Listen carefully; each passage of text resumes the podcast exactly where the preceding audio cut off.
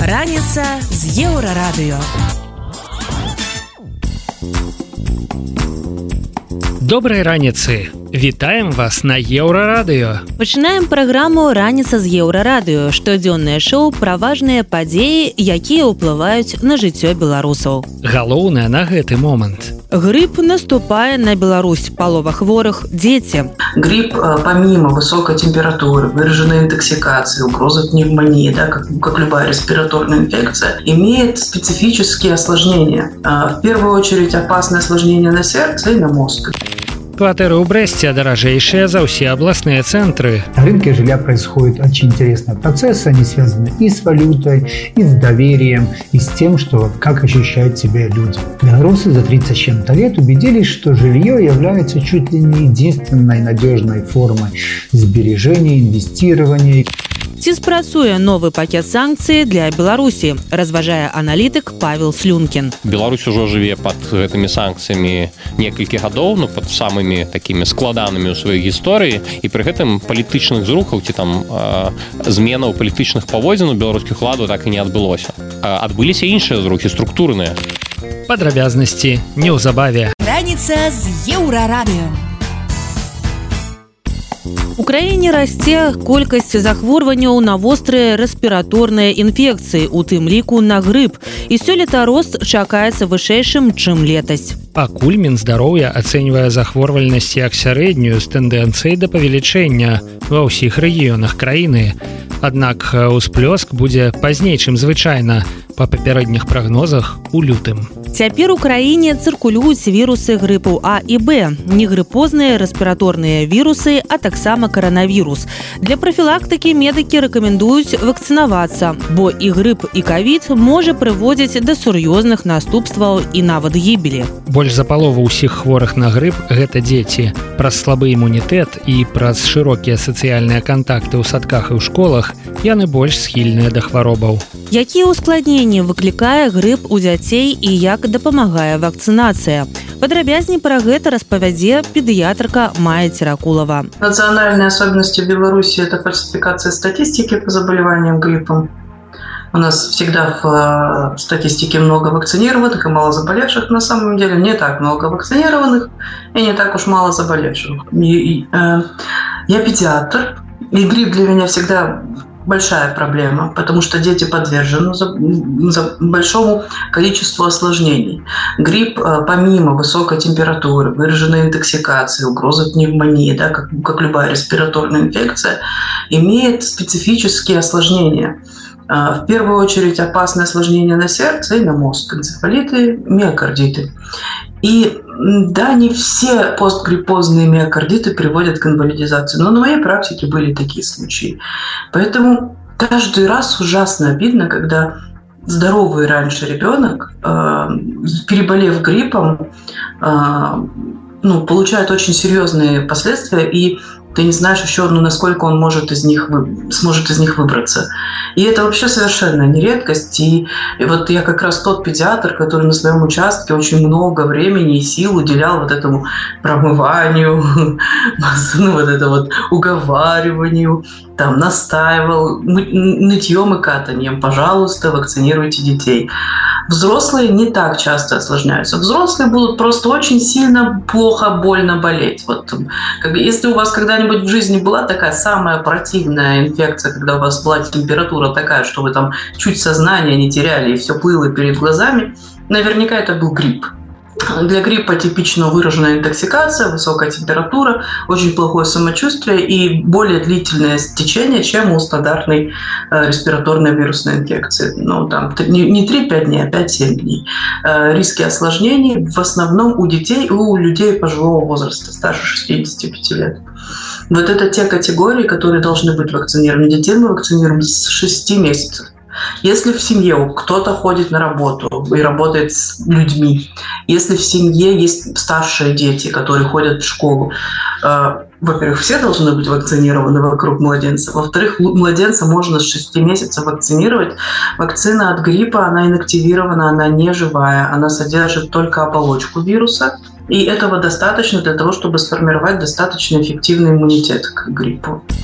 Самая вялікая памылка пры захворванні на грып гэта прыём антыбіётыкаў, бо яны неэфектыўныя супраць вірусных інфекцый, а пры частым прыёме антыбіётыкаў арганізм становіцца талерантным да іх. У сезон прастуд важна павышаць свой імунітэт, каб зніжаць рызыку захворвання і лягчэй пераносіць хваробу. Еўрарадыё.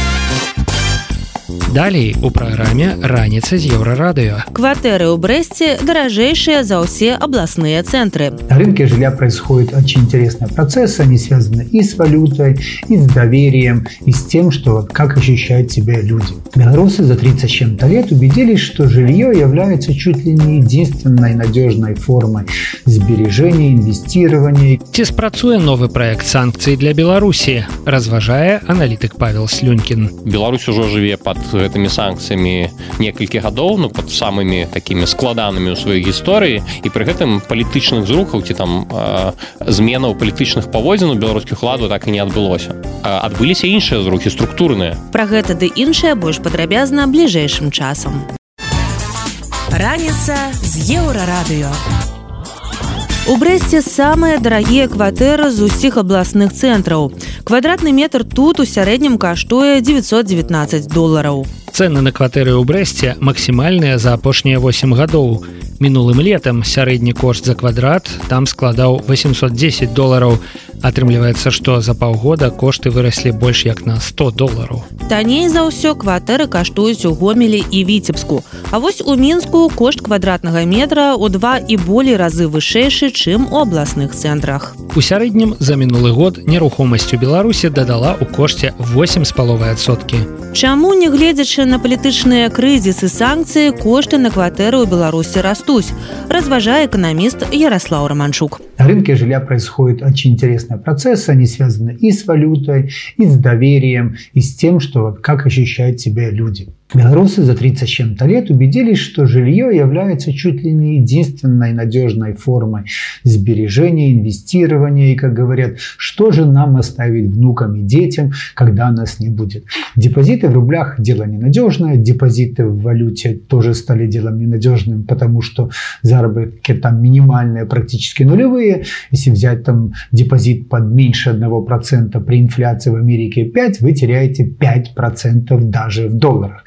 Поэтому белорусы, не доверяя ни белорусскому рублю, не доверяя ни доллару, понимают, что вот если здесь стоит жилье, то ли квартира, то ли дом, то это надежно. По крайней мере, можно будет какую-нибудь квартиру если построить, сдать, можно будет ее там внуку или ребенку оставить, и это будет какой-то вклад в развитие семейного капитала. Это нет хорошей жизни, друзья. Это от того, что Беларусь практически отключена, отрезана от фондового рынка мира. Беларусь отключена от других форм инвестирования, понятное дело, своего внутреннего фондового рынка, где были бы какие-то ценные бумаги, практически нет. Он доступен там для единиц, которые там что-то делают, какие-то акции продают, делают имитацию фондового рынка, и многим, некоторым отдельным даже удается заработать. Но вот кредиты на жилье и вообще жилье является чуть ли не единственной такой, знаете, надеждой на спасение заработ... заработанных денег. Но это не вся правда, потому что мы смотрим, кто предъявляет спрос на жилье, прежде всего столицы, это в том числе и регионы, региональные начальники, региональные красные директора, региональные помещики, неофедалы, понятное дело, хотят для своих детей, для своих внуков не жизни в маленьких районных городках и даже областных, а в столицу. Отсюда, понятное дело, диверсификация значит, своих активов и покупка жилья в столице.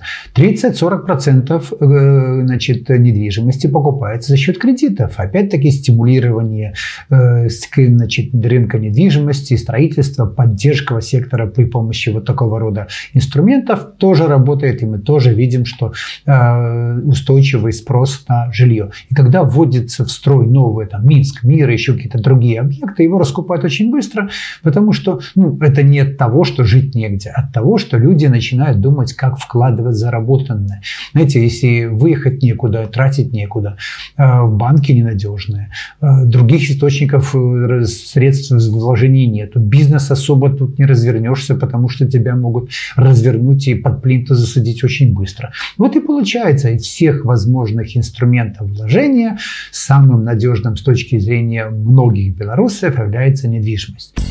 Аднак чаму інвестыцыі ў кватэры не такія надзейныя, як здаецца. Эканамісты Ярослаў Раманчук лічыць, што рынок можа перагрэцца і ў выніку будзе ісці спад. Да таго на рынок нерухомасці могуць уплываць геапалітычныя падзеі ў нашым рэгіёне. Еўрарадыё. Далей у праграме раніца з еўрарадыё. Ці спрацуе новы пакет санкцый для Беларусі, разважае аналітык Павел Слюнкін. Беларусь ужо жыве пад гэтымі санкцыямі некалькі гадоў, ну пад самымі такімі складанымі ў сваёй гісторыі і пры гэтым палітычных зрухаў ці там э, зменаў палітычных паводзін у беларускіх ладу так і не адбылося. Адбыліся іншыя зрухі структурныя. Працягнем неўзабаве. Раніца з еўрарадыё. Польшча і краіны Балтыі падрыхтавалі прапановы па 13 пакеце санкцый Еўросаюза супраць рассіі. Санкцыі павінныя закрануць і Беларусь, каб не даць Маскве абысці абмежаванне з дапамогай рэжыму Лукашэнкі.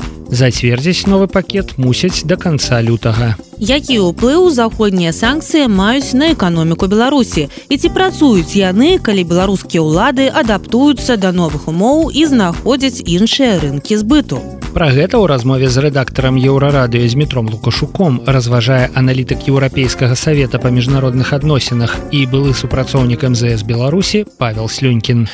Тое што мы пабачылі з пачатку ўварвання расійска вось такого маштабнага у лютым 22 года быў такі глобальны эксперимент так то бок ніколі таких маштабных санкцыяў супраць э, вялікай дзяржавы як Росія так яна ўсё ж таки з'яўляецца адным з таких сусветных лідараў так ці інакш не ўводзіліся такія маштабныя санкцыі. То бок калі браць перы там 90-х гадоў пасля распаду Савецкага союза і чаканні у краінаў якія гэта ўводзілі санкцыі яны хутчэй спадзяваліся на тое что атрымаецца гэтым эканамічна ізаляваць Росію ад света прымусіць э, занять пазіцыю заходніх краінаў бо гэтая санкцыя ну ўсё ж таки вводзіцца з боку заходніх краінаў бок перацягнуць іх нейкім чынам на свой бок і такім чынам ізаляваць э, Росію ад свету.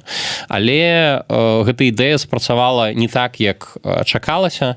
Э, іншыя крупныя эканомікі свету там як Індыя ці Бразілія напрыклад так партнеры па брыкс ну асабліва тут важное значэнне мае Кітай яны вырашылі не прытрымлівацца гэтых рэжымаў санкцый яны дапамагаюць іх абыходзіць Росіі яны гэта не робяць там цалкам адкрыта так каліны знайшлі мільён схему як гэта можна зрабіць. І такім чынам сама задума про такое пакаранне Росіі санкцыйна яно спрацавала толькі часткова. Бо безумоўны эканамічны эфект ёсць але ён не такі які чакаўся і таму няма і таго палітычнага эфекту. Атрымалася так что краіны іх там глобальным поўднем называлі ці там трэцій краіны свету яны паглядзеўшы на сітуацыю вось гэтай міжнароднай канфронтацыі паміж заходнім светом і Росіі з аднаго боку яны вырашылі что ім нашмат лагічней зручней не падтрымліваць адзін з бакоў не абіраць для сябе ніводны бок а застацца дзесьці паміж імі падтрымліваць супрацоўніцтва як з першымі так і з другімі. І безумоўна у Масквы галоўнае іх пытанне да іх гэта дапамога у замяшчэнні імпарта які быў забаронены у Росію там тэхналагічна абыход іншых абмежаванняў. Яны ў прынцыпе гэта атрымліваюць. А другасныя санкцыі якія раней успрымаліся так или у яны выконвалі функцыю такую стрымліваючую як стрымліваючы фактор былі для іншых краінаў якія хацелі б напрыклад парушыць санкцыі яны ну скажем так іх па-першае не ўводзяць але по-другое ну ты не можаш іх увесці супраць усяго света так mm -hmm. і адна справа калі ідзе размова пра санкцыі злучаных штатаў супраць рассіі а іншая справа калі табе трэба пакараць адначасова яшчэ 15 крупных эканомік свету. А, і тут ужо твоя эканоміка просто гэта не выцягне Ну і таму атрымліваецца что у гэта санкцыйны эксперимент ён скажем так ён не прынёс тых эфектаў якія на якія чакаліся як мінімум кароткатэрміновых так? Ну і палітычных таксама вайна не спынілася Путін таксама не не збіраецца спыняцца пакуль доўгатэрміновы эфект ён такі эразійны ён мае. А, калі ён ну, спрацуе так увогуле спрацуе ну зразумела што расійская эканоміка она дэградуе але яна у тым ліку і перабудоўваецца под новыя умовы. А, і ну, абмяжоўваючы гэты эфект. Такім чынам не будзем браць эканамічны аспект що ж таки мы з вами не эканамісты з палітычнага пункту гледжання А ў такім выпадку А ці ёсць сэнс казаць пра нейкія новыя пакеты новыя санкцыі пашырэнне калі ўсё адно ніякага такого ну палітычнага у найперш эфекту няма? Ну гэта ж пытанне зміцер пра тое ці ёсць сэнс для каго? Для палітыкаў еўрапейскіх ну безумоўна ёсць сэнс бо яны у сваіх дзеяннях яны рэагуюць у тым ліку на тое што адбываецца ў рассіі у беларусі в украіне. А, і гэта рэакцыя яна можа быць там палітычная можа быць вось санкцыйная ў дадзеным выпадку эканамічная яны спрабуюць у рэагаваць на тое што я вам сказаў дагэтуль так? Uh -huh. падбудоўвацца таксама рабіць гэтыя санкцыі больш магутнымі больш эфектыўнымі. Таму калі казаць пра тое ці мае гэта эфект там для беларусаў ці прынясе гэты санкцыйны новы пакет нейкія зрухі якія будуць адчувальнымі на палітычным узроўні ну безумоўна не Беларусь ужо жыве под гэтымі санкцыямі некалькі гадоў ну под самымі такімі складанымі ў сваёй гісторыі. І пры гэтым палітычных зрухаў ці там зменаў палітычных паводзін у беларускіх ладу так і не адбылося. Адбыліся іншыя зрухі структурныя. Зноў ж таки тут пра эканоміку можа лепш не мне казаць так а людзям якія больш прафесійна гэта тэма валодаюць але калі так пра прааналізаваць ну беларуская эканоміка стала нашмат больш залежная ад расійскай. І гэтым самым яна заплаціла кошт вось гэтай сваёй структурнай залежнасцю за захаванне гэтых палітычных паводзінаў за захаванне беларускіх уладаў. Беларускія грамадзяне адчулі гэта толькі часткова так? Калі б усё ж такі рэжым беларускі абраў іншы шлях э, не подвышаючы сваю залежнасць і кантроль расійскі над сабою так а спрабуючы там самастойна неяк выкараскивацца то безумоўна гэты эфект эканамічна бы нашмат нашмат магутнейшы але ну вось маем што маем і таму ад гэтага пакета ну санкцыі ну мне здаецца не павінна быць ніякіх завышаных чаканняў а не тое што палітычных нават эканамічных. У такім выпадку от словы про тое что санкцыямі санкцыі штурхаюць мінск режим лукашэнкі Беларусь ввогуле у абдымкі да Москвы гэта адлюстраванне рэчаіснасці ці ўсё ж таки пэўная маніпулятыўнасць у гэтых словах ёсць? Ну тут же ж разумееце залежыць ад таго якую думку ты хочаш данесці. Ці санкцыі маюць эфект эканамічны так. Ці яны самі по сабе прывязваюць Беларусь да Росіі не бо гэта выбор беларускіх уладаў рэагуюць рэагаваць на гэтыя санкцыі не тым каб выконваць нейкія там правілы міжнароднага свету э, правы чалавека э, змяняць паводзіны сваі э, там не трымаць палітычных вязняў э, і гэтыя санкцыі былі б знятыя так? Ці э, ніякім чынам не працаваць з першай крыніцай за якіх гэтыя санкцыі былі ўведзены і прывязваць сябе да рассіі э, і тут кажам розныя людзі вам дадуць розны адказ. З майго пункту гледжання санкцыі не з'яўляюцца э, кажам гэта ну не перша прычынай так гэтай прывязкі. Э, гэта выбор асэнсаваны выбор людзей які кіруюць беларусю працягваць рэпрэсіўнай практыкі працягваць парушаць э, міжнароднае права э, працягваць рэпрэсаваць сваіх супернікаў унутры краіны дапамагаць у вайне супраць Украіны і разумеючы што адказ за гэта ўсё роўна ёсць у гэтым выглядзе ён там санкцыйны э, ну яны зразумела што яны спрабуюць шукаць гэта выйсця і вось адзінае выйсце якое іх ёсць гэта э, прывязванне беларускай эканомікі да рассіі ці гэта санкцыі іх прывязалі? Ну з моего пункту гледжання яны самі сябе прывязалі. Бо калі ўзгадаць 2020 год беларускія ўлады выдатна разумелі якія будуць наступствы іх дзеянняў я тады яшчэ ў мзэсе працавал гэта на ўсіх сустрэчах якія былі там з еўрапейскімі амбасадарамі так папярэджанні гэта па розных каналах у макея былі сустрэчы з яго візаві калегамі. Ім і казалі што калі адбудуцца один два три калі з'явіцца палідзняволеныя калі вернуцца рэпрэсіі то мы не зможам працягваць працаваць як раней. І санкцыі вернуцца. Беларускія ўлады гэта ведалі. Дык хто каго прывязаў да рассіі Ну мне здаецца гэта быў асэнсаваны выбар гэтых людзей беларускіх палітыкаў ісці на гэта нават разумеючы наступствы. Ну яны гэты выбар зрабілі і самі сябе прывязалі рассію у іх ёсць магчымасць адвязаць себе ад рассіі уже не такая добрая як некалькі гадоў таму але ну як мінімум контроль над краінаў застаецца яшчэ пакуль у іх. А чаго можна чакаць ад новай ваеннай дактрыны і ці варта хвалявацца? Працягвае павел слюнкін. Ну нічога сур'ёзнага ці новага яны не сказалі я бачу што у медыа у тым ліку замежных і украінскіх і беларускіх ян, і чамусь яны э, звярнулі увагу на заяву про тое што будзе створана адзіная абаронная прастора. а, і што будзе ўведзен нейкі артыкул по якому там напад на саюзнікаў беларусі ён будзе лічыцца нападам на Беларусь але ну адзіная абаронная прастора існуе у ваеннай дактрыне саюзнай дзяржавы ўжо колькі гадоў а, у войны дактрыне беларусі таксама есть фармулёўка якая про гэта кажа. На не кажа наўпрост так что ну вось як гэта казаў у інтэрв'ю прадстаўнік міністэрства обороны які з'яўляецца там суаўтарам гэтай гэта документа а, але там фармулёўка такая трошку размытая але е можна подвесці под гэта.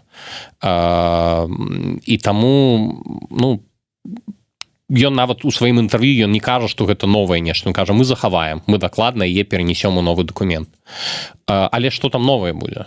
Таксама незразумела. Раней у беларускай ваеннай дактрыне не было прапісана скажем ворагі там не акрэсліваліся. Там быў шэраг пагрозаў так вось што ўспрымаецца там пагрозай для беларусі вайсковай можа быть зараз яны гэта дададуць бо гэта то есть атрымліваецца я выбачаюся что перабіваю атрымліваецца что нават тое что было агучана прадстаўнікамі там ген штаба там ці мінабароны гэта і датычна там ядернай зброі прымянення вось гэтага там мы за саюзніка уступімся Праўда не агучылі что гэта саю за саюзнікі то это толькі Росія ці хтосьці можа быть яшчэ вот то больш нічога мы і не ведаем про тое что там за змены. Ну менавіта таму документ немагчыма каментаваць по словах чалавека які просто каментуе э, змест гэта тэкста які нават яшчэ не быў прыняты. Яны ж плануюць яго прыняць на ўсенародным сходзе.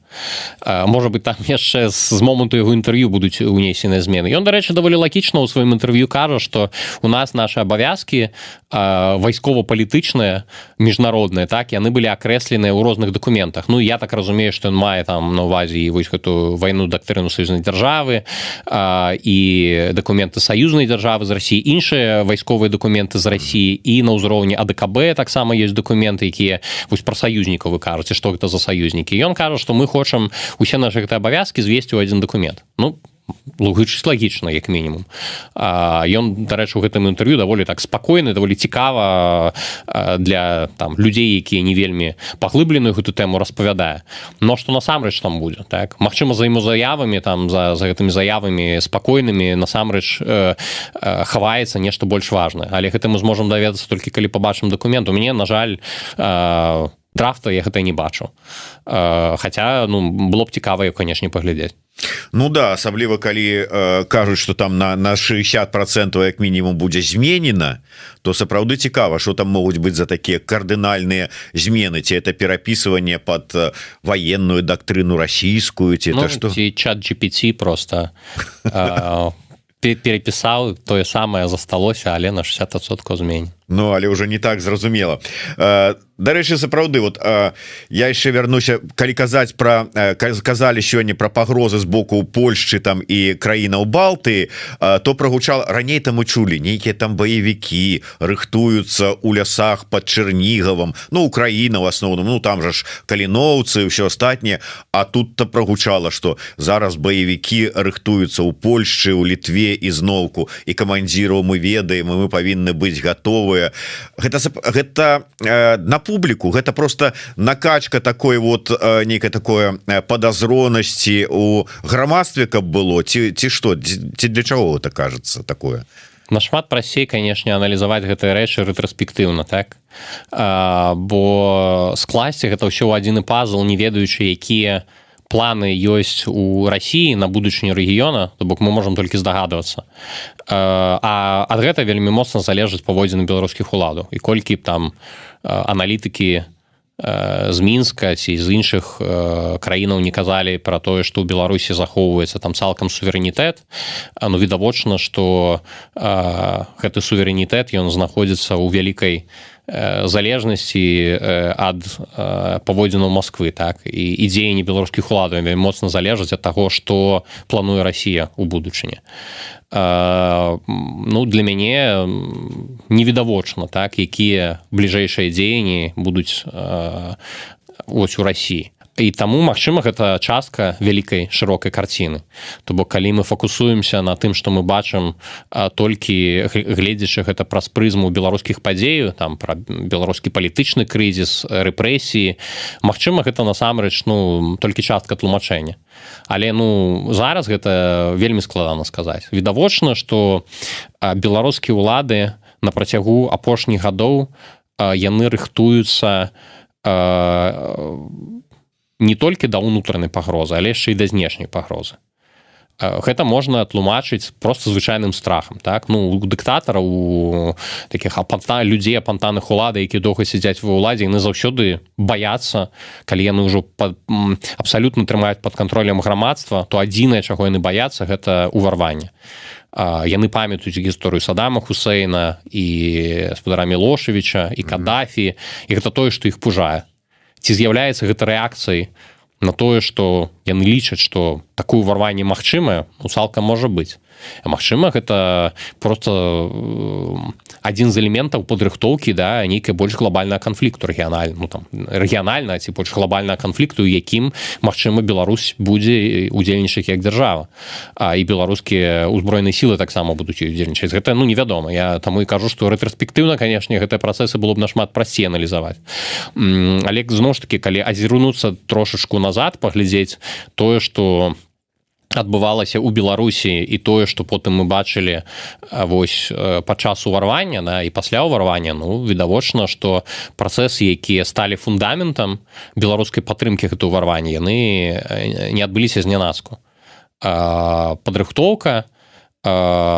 кажам так я не ведаю наўмысная ці не наўмысная з беларускага боку але дакладна яна ўсё роўна вялася Ігор тышкевич аналізуючы сённяшні ось этую нараду э, ну как бы можа быть паўжартам можа не паўжартам напісаў что э, лукашенко вельмі напалохалі гэтыя беспілотнікі якія даляцелі да, піцера і устьлуга і маўляў что калі туды даляцелі так не вельмі складана то свернуть куды-нибудь у бок драздоў умоўна кажучы. І таму казаў сёння там про ахову паветранай мяжы і ўсё такое. Наколькі на ваш погляд з палітычнага пункту гледжання Мачыма так такі разварот беспілотніка. Ну у мяне у адрозненні ад э, ігора тышкевича няма інсайду про тое чаго баіцца лукашенко і ці напужалі яго ты дроны ці не. Э, я аналізую паводзіны хутчэй так палітычныя дзеянні. Э, і для мяне відавочна што украінская ўлада э, трымае сябе ў руках так скажем так калі размова заходзіць пра Беларусь вылазкі у белародскую вобласць былі атакі дронамі на гарады расійскія былі нават калі з беларусі расійскія ракеты ляцелі па ўкраінскіх гарадах адказу з украінскага боку на гэта не было. Таму мне вельмі складана паверыць у тое што украінская ўлада зараз знаходзішся скажем так у вельмі няпростым становішча ось военным так. А, там з боку заходніх саюзнікаў падтрымка так тармазіцца скажем так так вельмі мягка і што яны будуць зараз дзейнічаць такім чынам каб рызыкаваць адкрыццём другого фронту ці большым удзелам беларусі ў гэтай вайне бо апошні год ён паказаў што якраз а, не наколькі уцягнута уцягнутасць беларусі гэту вайну стала меншай. Так, колькасць расійскіх войскаў зменшылася. Абстрэлу за 2023 год з тэрыторыі беларусі не было. Нападу там рызыкі нападу з тэрыторыі беларусі таксама няма. І для чаго украінскім уладам у гуляцца з гэтым вагнём калі яны самі зараз знаходзяцца ў такой вельмі няпростай сітуацыі. Ну для мяне невідавочна. Калі казаць пра тэхнічны бок справы ну зразумела калі з'яўляецца нейкія такія рэчы якія ты лічыш могуць пагражаць бяспецы твоё асабістасці твоей краіны тут будешь шукаць варыянты як ад іх адбіцца. Я ўпэўнены што александр лукашенко не будзе шукаць адказ на гэта адзін я не упэўнены что тэхналагічна нават можа гэта зрабіць яны гэта будуць рабіць разам з Росій ці пужае гэта яго ну як і я думаю не больше не менш чым любая іншая зброя якая можа ему пагражаць гэта была размова з аналітыкам еўрапейскага савета па міжнародных адносінах і былым супрацоўнікам мзс беларусі паўлам слюнькіным. Ён распавёў пра новы санкцыйны пакет для беларусі а таксама чаму і як лукашенко пужае беларусаў захадам Еўрарадыё. Далей у праграме раніца з еўрарадыё. Лекі падаражэлі, а тэлевізары патанелі. Як змяніліся цэны за год. Рост быў у прамысловасці, у гандлі быў троху рост. Вось у будаўніцтва быў рост. Ну з будаўніцтвам все зразумела, там падзенне было цягам трох э, год, то бок гэта адскок дохлай кропкі кажуць. У школах увялі новыя факультатывы па танцах. Современная беларуская школа, современное беларускае образование, оно перестает быть независимым и перестает быть вообще образованием. Пра гэта больш падрабязна бліжэйшым часам. Раніца з еўрарадыё. За апошні год кошты на харчовыя тавары ў Беларусі выраслі на 6,8 процента. На нехарчовыя амаль на 3 процента і больш чым на 8 процента падаражэлі паслугі. Больш за ўсё падаражэла гародніна аж на 27соткаў. Далей ідзе садавіна, яна вырасла ў кошце амаль на 20соткаў. Наступныя ў спісе алкагольныя напоі, курыныя яйкі і кандытарскія вырабы. А лідарамі па тэмпах падаражэння сярод нехарчовых тавараў сталі лекі. Іх кошт падвысіўся на 13,4 процента. Сярод паслуг больш за ўсё выраслі цэны на турызм аж на 25соткаў. Чыгуначныя перавозкі падаражылі на 23,6сотка, санаторнае аздараўленне на 17соткаў і больш як на 12соткаў падаражэла адукацыя. Якія сферы беларускай эканомікі летась раслі хутчэй за ўсіх і дзе былі самыя нізкія паказчыкі. Пра гэта распавядае эканаміст Уладзімир Кавалкін. Рост быў у прамысловасці, у гандлі быў троху рост. Вось у будаўніцтва быў рост. Ну з будаўніцтвам все зразумела, там падзенне было цягам трох год, то бок гэта адскок дохлай копкі кажуць. Вось то бок там было дно днішчынскае і з гэтага дна трохі адбыўся адскок што датычыцца прамысловасці то тут троху спачатку дапамагла ну яшчэ не гэтым годам а прошлым годам пандемія трохі подрасла прамысловасць а потым вайна Росіі супраць Украіны санкцыі супраць Росіі Ну і закупкі Росіі ў Беларусі усіх гэтых прамысловых тавараў якія ім спатрэбіліся Вось, бо не толькі ў Кіаі закупалі але і ў беларусі але тут трэба адзначыць што нягледзячы на тое што э, закупкі падраслі ўсё адно доля беларускіх тавараў на расійскім рынку падае адносна напрыклад кітайскіх то бок расійскі рынок забірае сабе Кітай а не Беларусь Хаця вось калі глядзець на гэты прыліў то быццам бы ўсе лодкі падымае але ўсе лодкі падымае по-рознаму калі Кітай не расце значна то Беларусь расце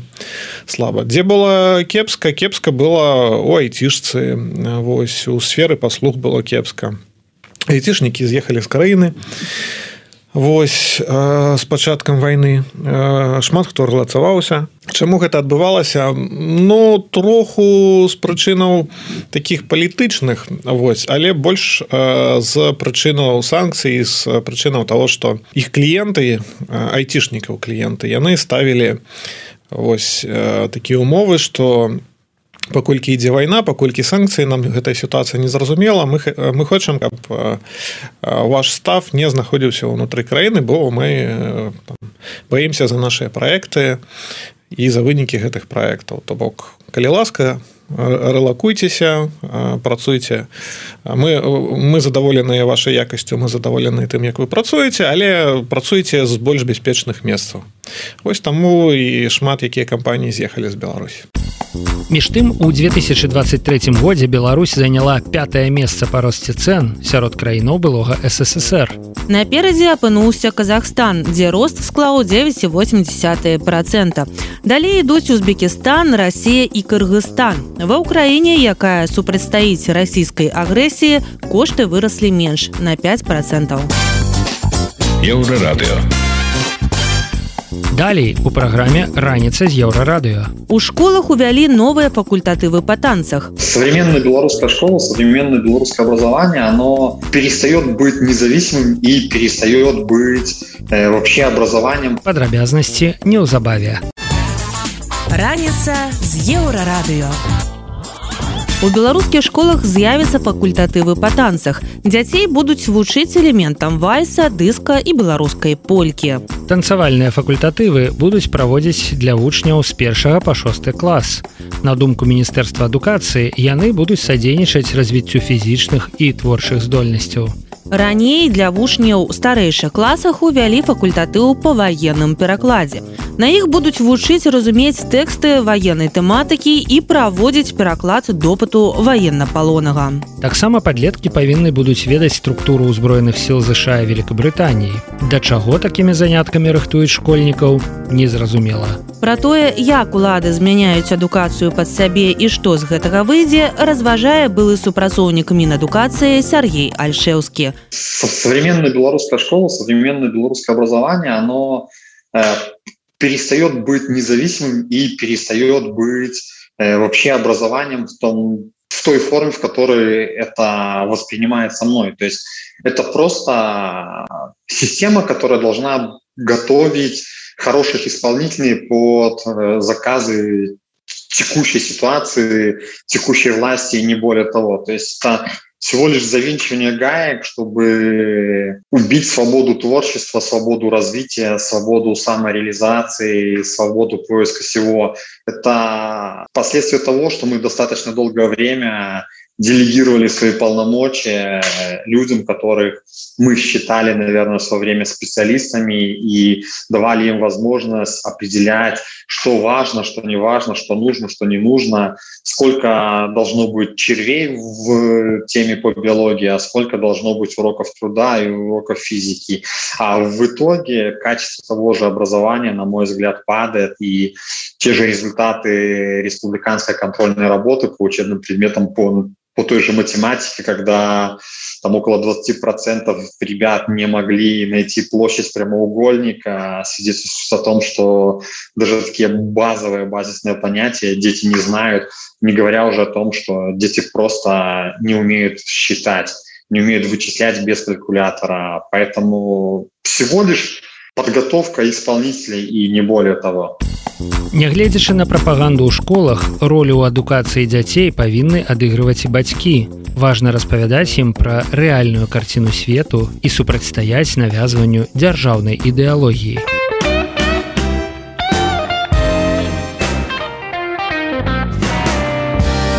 Еўрарадыё. Раніца з еўрарадыё. Вяртаемся на еўрарадыё і працягваем ранішні эфір. Вы па-ранейшаму слухаеце раніцу з еўрарадыё, інфармацыйнае шоу пра важныя падзеі, якімі жывуць беларусы і іншы свет. І вось што цікавага мы распавядзем вам далей. Чаму рэжым хавае статыстыку злачынстваў? И подходы к ним устаревшие, подходы к тому, как необходимо делать эту так называемую профилактику, они тоже устаревшие. У незалежных беларускіх сМ у эміграцыі праблемы? Ну я я так разумею что не ўсё пропало. Ці вераць яшчэ беларускія добраахвотнікі ў вызваленні радзімы? Мне удалося было страшней чым бахнуць Пра гэта ды іншае больш падрабязна цягам бліжэйшай гадзіны. Раніца з еўрарадыё Што Лукашенко і ягоны сілавы апарат хаваюць ад беларусу. Наколькі пагоршылася крымінагеннае становішча ў краіне і па якіх прычынах у Беларусі часцей за ўсё пачынаюць крымінальныя справы. Аб'яднанне сілавікоў Беларусі Белпол атрымала даныя, якія ў другой палове студзеня на закрытай нарадзе абмяркоўвалі прадстаўнікі сілавога апарату. Там вялося пра тое, якія цяпер злачынствы ў Беларусі самыя распаўсюджаныя і пра тое, ці дае плён браць барацьба з абаротам забароненых рэчываў. Зараз даведаемся, чаму статыстыка злачынства ў Беларусі застаецца засакрэчанай. Сітуацыю выданню Маланка каментуе прадстаўнік Белпол Владимир Жигар. В первую очередь нужно сказать, что эта статистика это вообще достаточно секретная информация. Ежегодная общая э, информация о криминогенной обстановке в Беларуси. Самого подведения в МВД еще не было оно ожидается только на этой неделе. В пятницу 19 числа было только подведение итогов ГУВД. Поэтому само там, публичивание этой информации, это, ну, скажем так, мягко говоря, не очень приятная ситуация для так называемого МВД. Топ-5 это, ну, на первом месте это кражи, потом это идет хищение имущества путем модификации компьютерной информации, потом идут мошенничество, и дальше, ну, так, находясь друг к другом достаточно близко, это уклонение родителей от содержания детей, то есть это так называемые алименты, и дальше идет хулиганство и незаконный оборот наркотических средств и психотропов.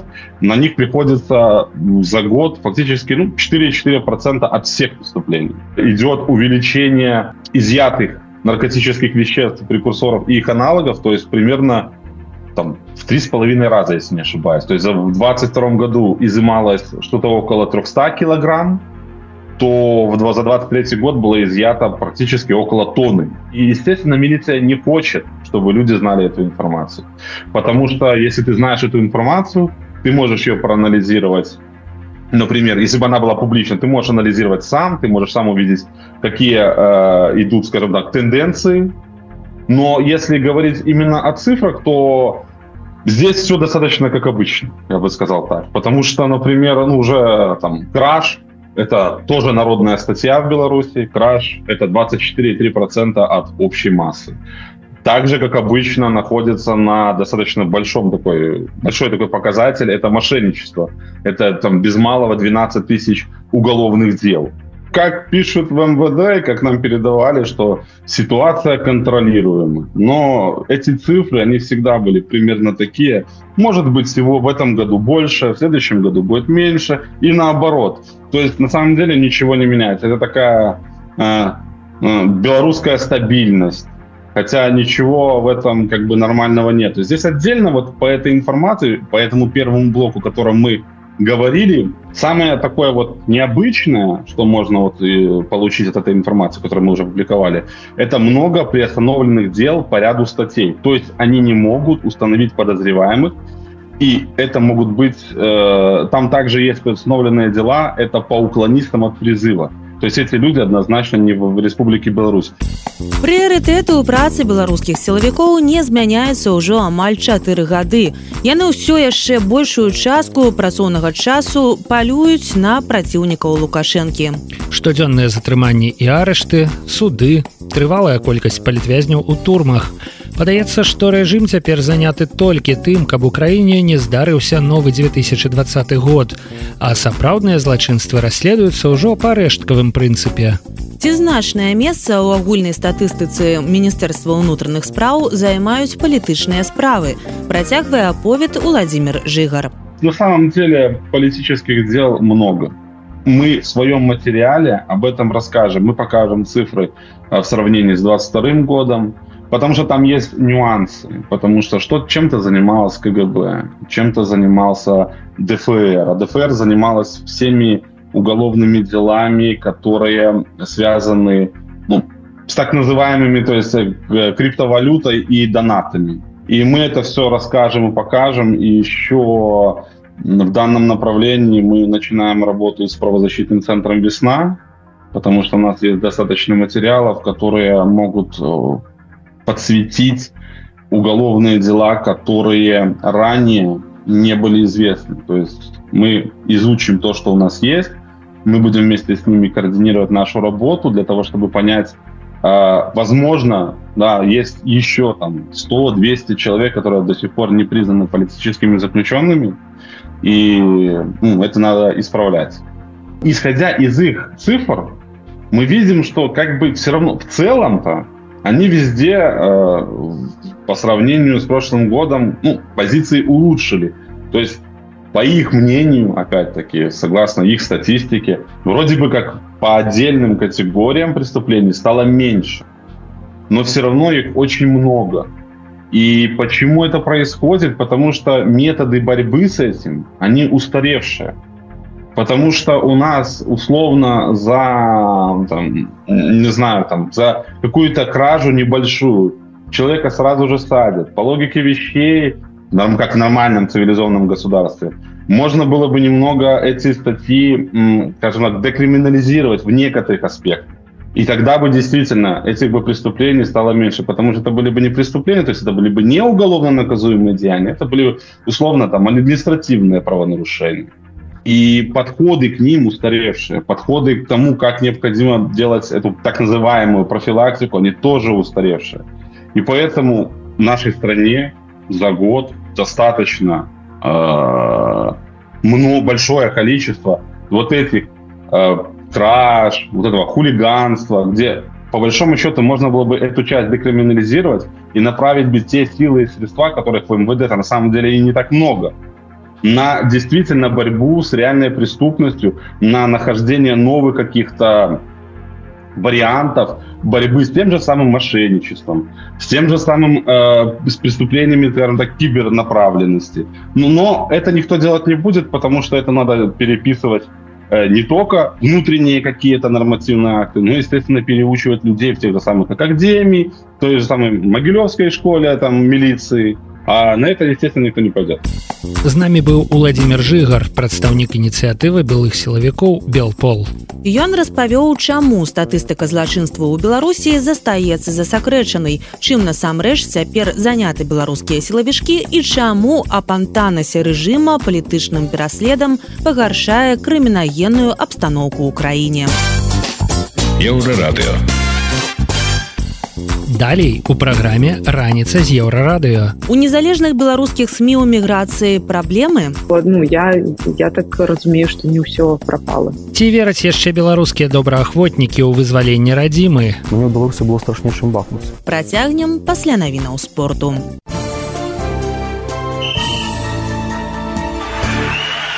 На еўрарадыё навіны спорту. Арына Сабаленко выйшла ў паўфінал Аўстраліян Опен. У матчы адной чацвёртай беларуская тэнісістка ў двух сетах абыграла барбару крэйчыкаву з Чэхіі 6263. Наступная саперніца амерыканка Какога Ауф, чацвёртая ракетка свету. Летась у фінале адкрытага чэмпіянату ЗША Сабаленко ёй прайграла. Хакеісты мінскага дынаму ў чэмпіянаце КХЛ абыгралі аднаго з лідараў заходняй канферэнцыі. У гасцях дынамаўцы святкавалі перамогу над сказ санкт-петербурга 21. Дынама займае восьмае месца і адстае ЦСК ўжо толькі на 6 ачкоў. Футбалісты батэ ў таварыскім матчы з лікам 32 абыгралі віцебска, які вярнуўся ў эліту. Гульня прайшла на штучным газоне віцебскага манежа. Польскі футбольны клуб заглембы адмовіўся ад трэніровачнага збору ў турцыі. Як паведамляе выбарча яго кіраўніцтва палічыла што паездка ў гэтую краіну можа быць небяспечная для беларусаў ёсць пагроза іх затрымання. Каманду узначальвае беларускі спецыяліст александр хацкевич а спартыўным дырэктарам з'яўляецца михаил залеўскі. Абодва яны падтрымалі перамены ў беларусі і крытычна выказваліся пры рэжым лукашэнкі Футбольны суперкубак Італіі выйграў Інтер, ён абыграў Напалі, які паўгадзіны быў у меншасці. Адзіны гол у даданы да асноўнага часу хвіліны забіў Лаўтара Марцінес. Гэта былі навіны спорту на еўрарадыё. Заставайцеся з намі. Раніца з еўрарадыё. У першай палове студзеня стала вядома, што онлайн-выданне куку орг змяняе фармат працы. Сайты частка соцсетак пераходзіць у стан замарозкі, а палова каманды праекту звальняецца. Гэтая навіна прыйшла пасля іншых трывожных звестак наконт існавання беларускіх незалежных СМ. Адразу некалькі рэдакцый пісалі адкрытыя лісты пра цяжкія часы. Калі пасля ўсяго гэтага вас не наведала думка, што беларусы могуць страціць незалежныя медыі, вы вялікі аптыміст. Ці здольныя беларусы, якія засталіся на радзіме і эмігравалі, стала фінансаваць незалежныя СМ са сваіх гаманцоў. Ці тое марная ідэя. На гэтае пытанне выданню радыёвабода адказала сузаснавальніца і дырэктарка куку Саша Романова. Мне здаецца, што гэта даволі складана, Таму што колькі ну, мы зараз не разглядаем тых, хто ўнутры Беларусі, таму што для іх гэта проста банальна э, небяспечна. Мы разглядаем тых, хто з'ехаў. Напрыклад, гэта 300 тысяч чалавек з іх як, які адсотак з гэтай колькасці маюць э, э, маюць не толькі намер але і фінансавыя здольнасці гэта рабіць. Прычым не толькі канешне калі журналісты рэдактор ці галоўны рэдактор гаворыць што ён э, там не ведаю ён гатовы прадаваць сваю э, нырку то ну усе ідуць і данаціць тому что ну як? Не ну гэта ж ну трэба дапамагчы. Але на пастаяннай аснове я не ведаю наколькі гэта магчыма.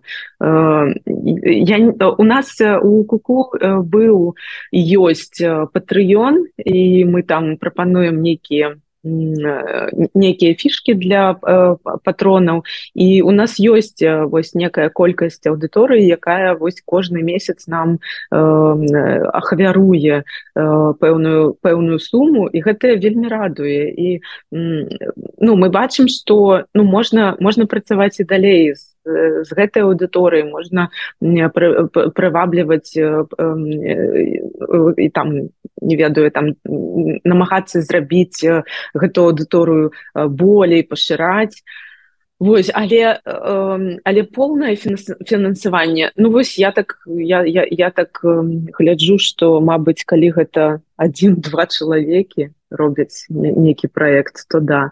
Калі гэта ўжо там под 10 так ну, не, напэўна не атрымаецца. То бок блогераў Я думаю что ну нейкія ўспешныя э, субсеткавыя проекты калі яны э, маюць э, там добрую аўдыторыю то ну чаму не? Ёсць прыклады ўсё гэта можа быць калі у тебя там не ведаю многотысячныя ахопы і калі там можна подпісацца на твой патрыён а ты там будзеш э, камуніцировать со сваімі со сваімі патронамі там прапаноўваць ім нейкія ценнасці то чаму не? то не ведаю як і каго прывесці ў прыклад але ну ёсць такой фармат але не для больших рэдакцый на жаль. Ну, ёсць яшчэ адзін шлях. Вялікая частка беларускага бізнесу рэлацыравалась. Даволі паспяхова развіваецца ў розных краінах свету і там бюджэты папаўняе розных краінаў свету. Ці беларускі бізнес за мяжой падтрымлівае мог бы падтрымліваць незалежныя сМ ой э, беларускі бізнес за мяжой вы уявіце сабе что такое перавесці там 5000 э, працаўнікоў з беларусі э, каб у кожнага была некая у кожнаму у кожнага гэтыя траты на пераезд там нейкія першы перыяд закрыць закрыццё нейкіх арэндных там медыцынскія страхоўкі. То бок увесь гэты бізнес я так лічу ён зараз мае не менш не менш абавязкаў у першую чаргу перад сваімі камандамі каб ну гаварыць упэўненасцю что вось яны нас спасуць беларускія выратуюць беларускія незалежныя сМ потому что я я, я так лічу что мы не ў першым спісе. А яшчэ есть ёсць яшчэ э, там родныя якія ў беларусі засталіся. Яшчэ ёсць бюрократычныя гісторыя калі табе трэба тут у у Еўропе гэтыя працэсы ну каб яны каб яны зноў працавалі і ўжо уже уже у іншым фармаце там что ну жыццё і праца у ЕС калі ты знаходзішся ці ў Беларусі яно адрозніваецца і трэба ўсё ну як рабіць заново заново.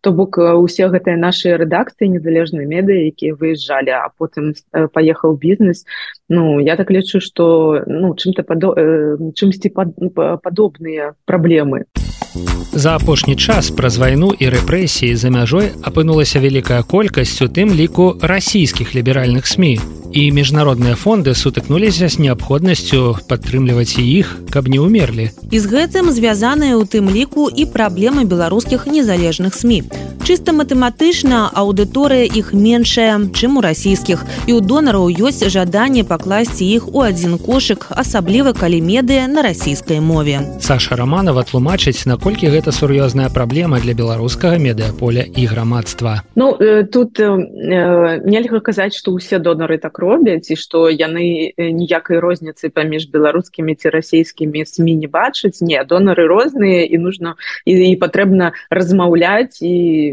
там расказваць хто ты што робіш э, і, і чаму ты не там не ведаю там расійскае выданне Ну гэта гэта такі даволі цяжкі труд і ты кожны кожны дзень гэта робіш і займаешься сказаць что але у нас з вами атрымліваецца ну вельмі сумная гаворка то бок донаты не тому что усім фінансава цяжка бізнесы беларускія не тому что перавозіць там тысячи тысячи супрацоўнікаў донары інстытуцыянальны інстытуцыянальныя не таму што з'явіліся расійскамоўныя медыя з больш вялікай аўдыторыі і таму яны туды свае грошы ну, ну, ну так. даць да мінусаў ну экстрэмісцкі статус незалежных сме які людзям у беларусі пагражае просто рэальнымі тэрмінамі а таксама так. ну, пэўная дыскрымінацыя з боку google які як бы не прасоўвае беларускі контент так ну вот як як вот во всіх ну, гэтых складаных умовах вот пра што мы зараз гаворым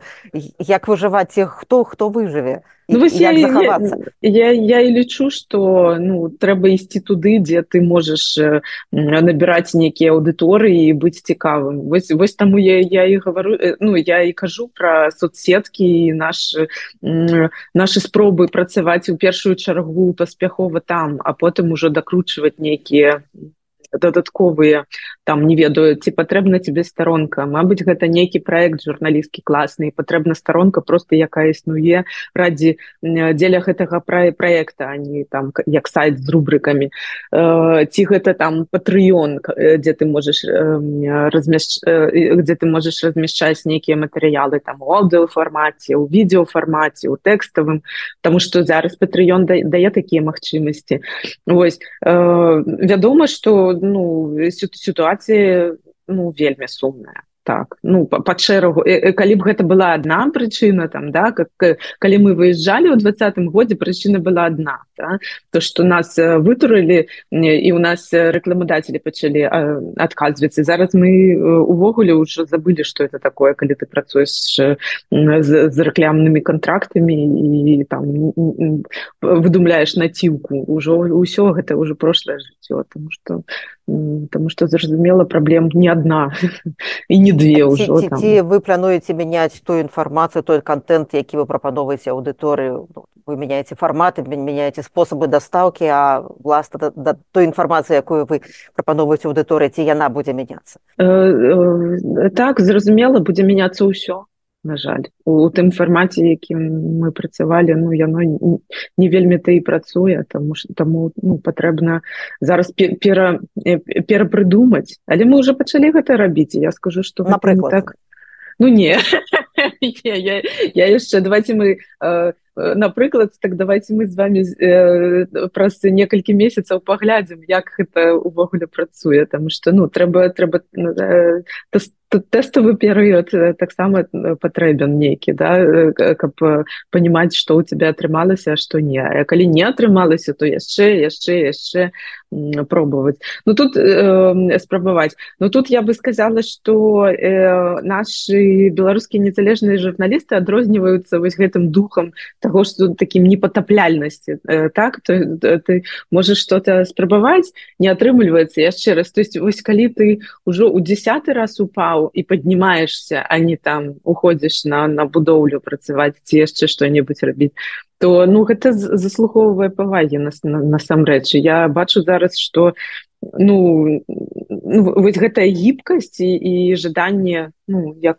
расці над сабой і мяняцца яна вельмі вельмі важная насамрэч ну я калі калі я гэта бачу калі я бачу что у кагосьці яшчэ там ёсць нейкі агенчык у вачах то ну я я так разумею что не ўсё пропала мы слухали сашу романову сузаснавальніцу і дырэктарку выдання куку медыа-менеджерка распавяла ці могуць беларусы утрымліваць незалежныя сМ за ўласны кошт і чаму дрэнна што замежныя донары не адрозніваюць незалежныя беларускія сМ і ліберальныя расійскія еўрарадыо далей у праграме раніца з еўрарадыо ці вераць яшчэ беларускія добраахвотнікі ў вызваленне радзімы мне беларусе было страшней чым бахмус працягнем пасля навінаў шоу-бізу шоу-біз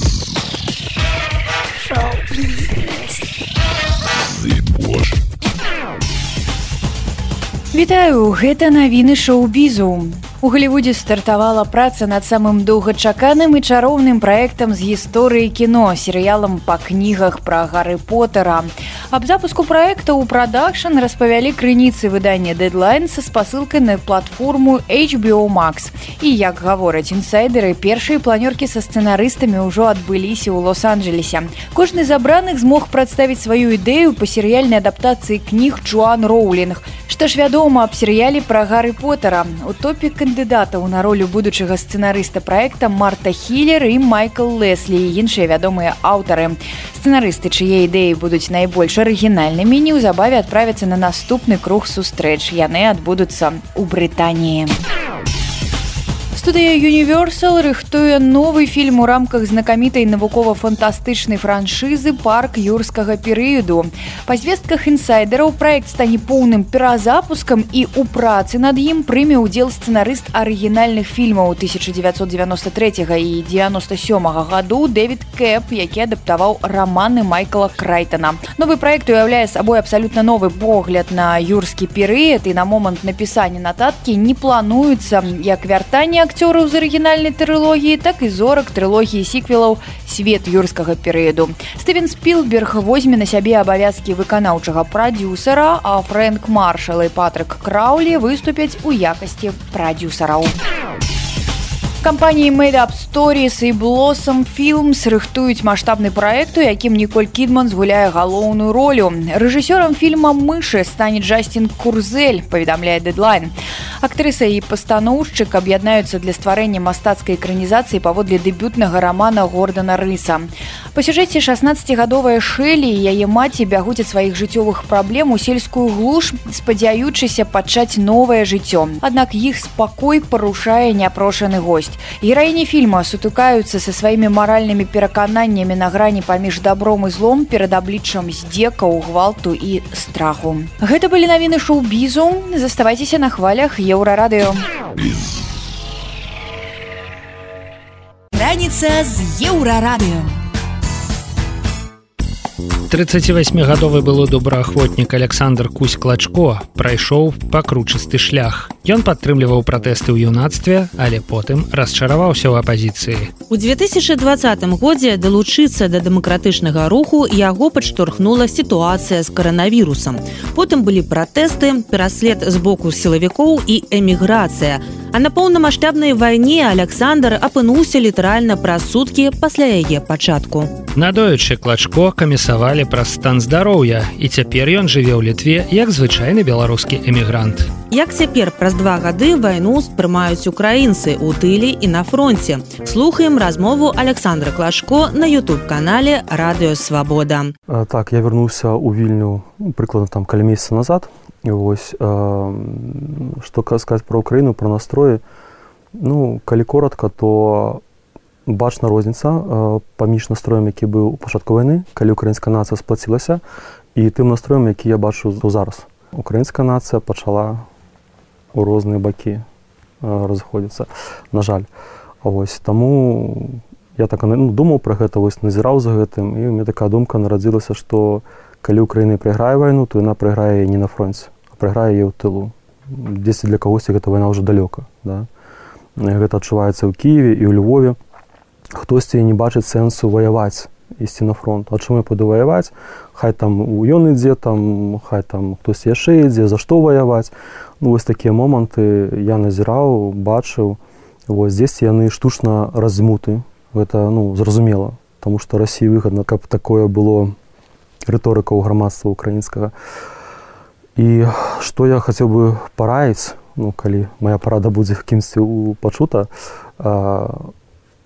толькі з'яднанне нацыі зноў як пачатку вайны дапаможа украіне вытрымаць перамагчы ў гэтай вайне. Дык а што выходзяць наратывы расійскай прапаганды пачынаюць там перамагаць як? Тут больш не наратывы украінскай расійскай прапаганды тут больш калі у нас ёсць агульны вораг агульная мэта мы аб'ядноўваемся. Потым праходзіць нейкі час можа стомленасць можа там щось яшчэ мы пачынаюцца нас вось это унутраныя асабістыя дразгі паміж сабой вось нейкі нездавальненне то ўладай тут ці чымсьці яшчэ вось і гэта нас пачынае разрозніваць так і з украінай вось то бок акцэнт змясціўся з перамогі з барацьбы змясціўся на вось гэтыя вось другасныя рэчы іх трэба вырашаць калі яны ёсць гэта пытанне да? Але гэта не адмяняе таго што трэба бараніць сваю тэрыторыю і вызваляць сваю тэрыторыю. А што вот людзі кажуць? Вот што і вот яны цяпер вот гаворцу трэба спыніць эту вайну. Я запытваю як спыніць? Ну падпісаць мір аддаць тэрыторыі. Ну я не кажу пра ўсіх я кажу пра спыцца што гэта меншасць. Вось трэба даць свае тэрыторыі. Хутка у нас мужчын не будзе да.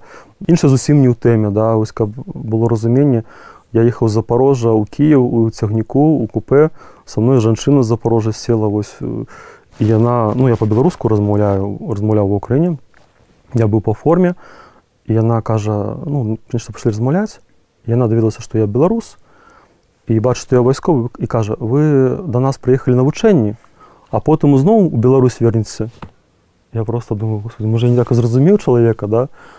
Яна кажа я плітка не цікаўлюся ну, ну вайна да ідзе але вось я там сваімі там справ запорожжа там шыфронт не так далёка да адносна ось ну як можна не разумець што я ну яна ўспрыняла мяне лукашысцкім жаўнерам вось які прыехаў тут навучацца украінскую армію потом отвернецца то бок ну дзіўнае пытанне тыя людзі якія кажуць давайте спыню вайну я ім адказваю што ведаеце на наше пакаленне ну на украінцаў на нас ну у нас свае там так акалічнасці беларусаў таксама э, нелёгкі лёс такі э, для нацыі выпаў гэты вось цяжар які мы павінны вытрымаць калі мы зараз спынімся опусцім руки э, то мы просто ну, праем слабасць э, мы просто перакладзем гэтае пытанне вырашэнне гэтага пытання цых дзяцей на сваіх унукаў да. І лепш нам змагацца там рызыкаваць там ахвяраваць э, там жыццём здароўем э, дабрабытам вось сваім э, уласным. Чым потым нашы дзеці будуць за нас гэта рабіць. Хай нашы дзеці вывучаюцца ва універсітэтах да там вось нейкія навукі там займаюцца там любымымі справамі. Ну а мы ўжо павінны давесці справу да канца і перамагчы вось у гэтай вайне вызваліць свае тэрыторыі украіна украін украінскія беларусы пасля гэтага нашу Беларусь вызваліць каб нашы дзеці жылі у нармальных краінах. А на фронте настроі не мяняются не на фронте ўсё малайцы украінскія жаўнеры малайцы трымаюцца. Ім цяжка не трымаюцца яны стаміліся але яны трымаюць на пачатку вайны беларускія добраахвотнікі якія ваявалі ва ўкраіне казалі што пасля заканчэння вайны яны вернуцца ў Беларусь каб зрынуць уладу лукашэнкі. Але праз два гады большасці беларусаў стала зразумела што такі сцэнар малаверагодны. Бой беларускія добраахвотнікі частка украінскага войска якую стала забяспечваюць усім неабходным. А украінскі ўрад не рвецца ваяваць з лукашэнкам. Дык ці верыць яшчэ добра добраахвотнікі ў вызвалення беларусі з дапамогай сілы. І ці ўвогуле пераможа ўкраіна ў вайне? Зноў адказвае александр кусь клачко. Саша вайна ідзе ўжо два гады. Скажи калі ласка беларускія добраходнікі на працягваюць верць у вызваленне беларусі? Ці ўжо нейкая руціна іх засмактала? Я не хачу за ўсіх казаць да ну мабыць по-рознаму хтосьці на жаль сабе адчуваю уже украінцам. Гэта безумоўна героі. Для мяне гэта героя але героі украіны вось хто адчувае сябе украінцам з беларусам. Вось я не ведаю я чую ад іх што навошта мне беларусь там за коку там змагацца да? Ну гэта ёсць такія у нас. Ну, але это, это не большасць. Ну дай бог чтобы не большасць на не большасць. Але гэтых людзей я все равно паважаю за іхнюю смеласць за тое што яны вось ну яны героі. Але балюча зараз трошки раўней. Спачатку памятаю просто вельмі балюша гэта ўспрымалася калі беларус кажа што я себе адчуваю украінцам. Яны героі і яны кажуць што мы там не пойдзем Беларусь. І ведаеш я калі чую там да я думаю блин можа все-таки ты пойдзеш? Можа ты просто сам себе падманваеш? Ну вось такое вось у меня такія вось думкі ўзнікаюць. Спадзяцца што яны пойдуць. Ну ты асабіста верыш вызваленне? Я веру безумоўна. Я веру ў тое што трэба змагацца якім бы ні быў вынік. Я гляжу на 100 годаў наперад я не гажу не ляжу працягам свайго часу свайго жыцця. Вось для мяне вельмі яскравы прыклад каліновскага які ў свой час здаецца ну глупства зрабіў пайшоў на паўстанне даў супраць расійскай імперыі. Але яго ён ён атрымаў паразу але ён перамог пра 50 гадоў. Вось я гэта веру тое. Я веру тое што калі не змагацца то мы прайграем. Калі мы будемм змагацца то хай не мы наши дзеці наши ўнукі перамогуць якую ты ролю тут адводзіш палку каліновска я ставлю роўна пол каліновскага іншых добраахвотнікаў роля дапамагчы беларусам вызваліць Беларусь. Не пол каліновскага не добраахвотнікі не мы будзем вызваляць Беларусь. Беларусь будет вызваляць беларусам і ў першую чаргу гэта павінны асэнсаваць тыя беларусы хто знаходіцца ўнутры краіны калі ў беларусі забурліць ну павінна першая умова параза рассіі як імперы альбо палітычная слабасць эканамічная слабасць военная слабасць альбо ўсё разам. Вось калі яна не зможа ўдзейнічаць на Беларусь. І пасля гэтага калі беларусы забурліць бо тады мы дапаможам вызваліць Беларусь. Ты верш што Украіна пераможа гэтай вайне? Я не ведаю пераможа украінец не пераможа гэтай вайне. Я хачу каб Украіна перамагла ў гэтай вайне.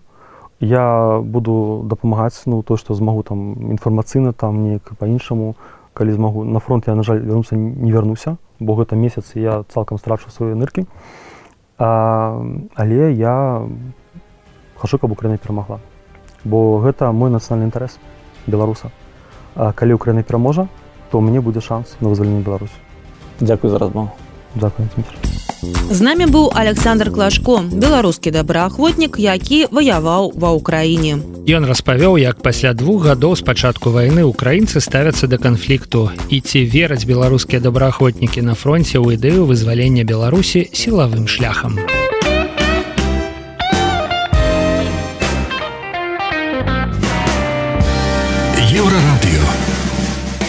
Гэта былі самыя важныя навіны эсэнсы раніцы з еўрарадыё. Заўтра ранкам мы распавядзем вам пра галоўнае, што адбываецца ў краіне і ў свеце. Сустракаемся ў той жа час у тым жа месцы. Беражыце сябе. Пачуемся. Раніца з еўрарадыё.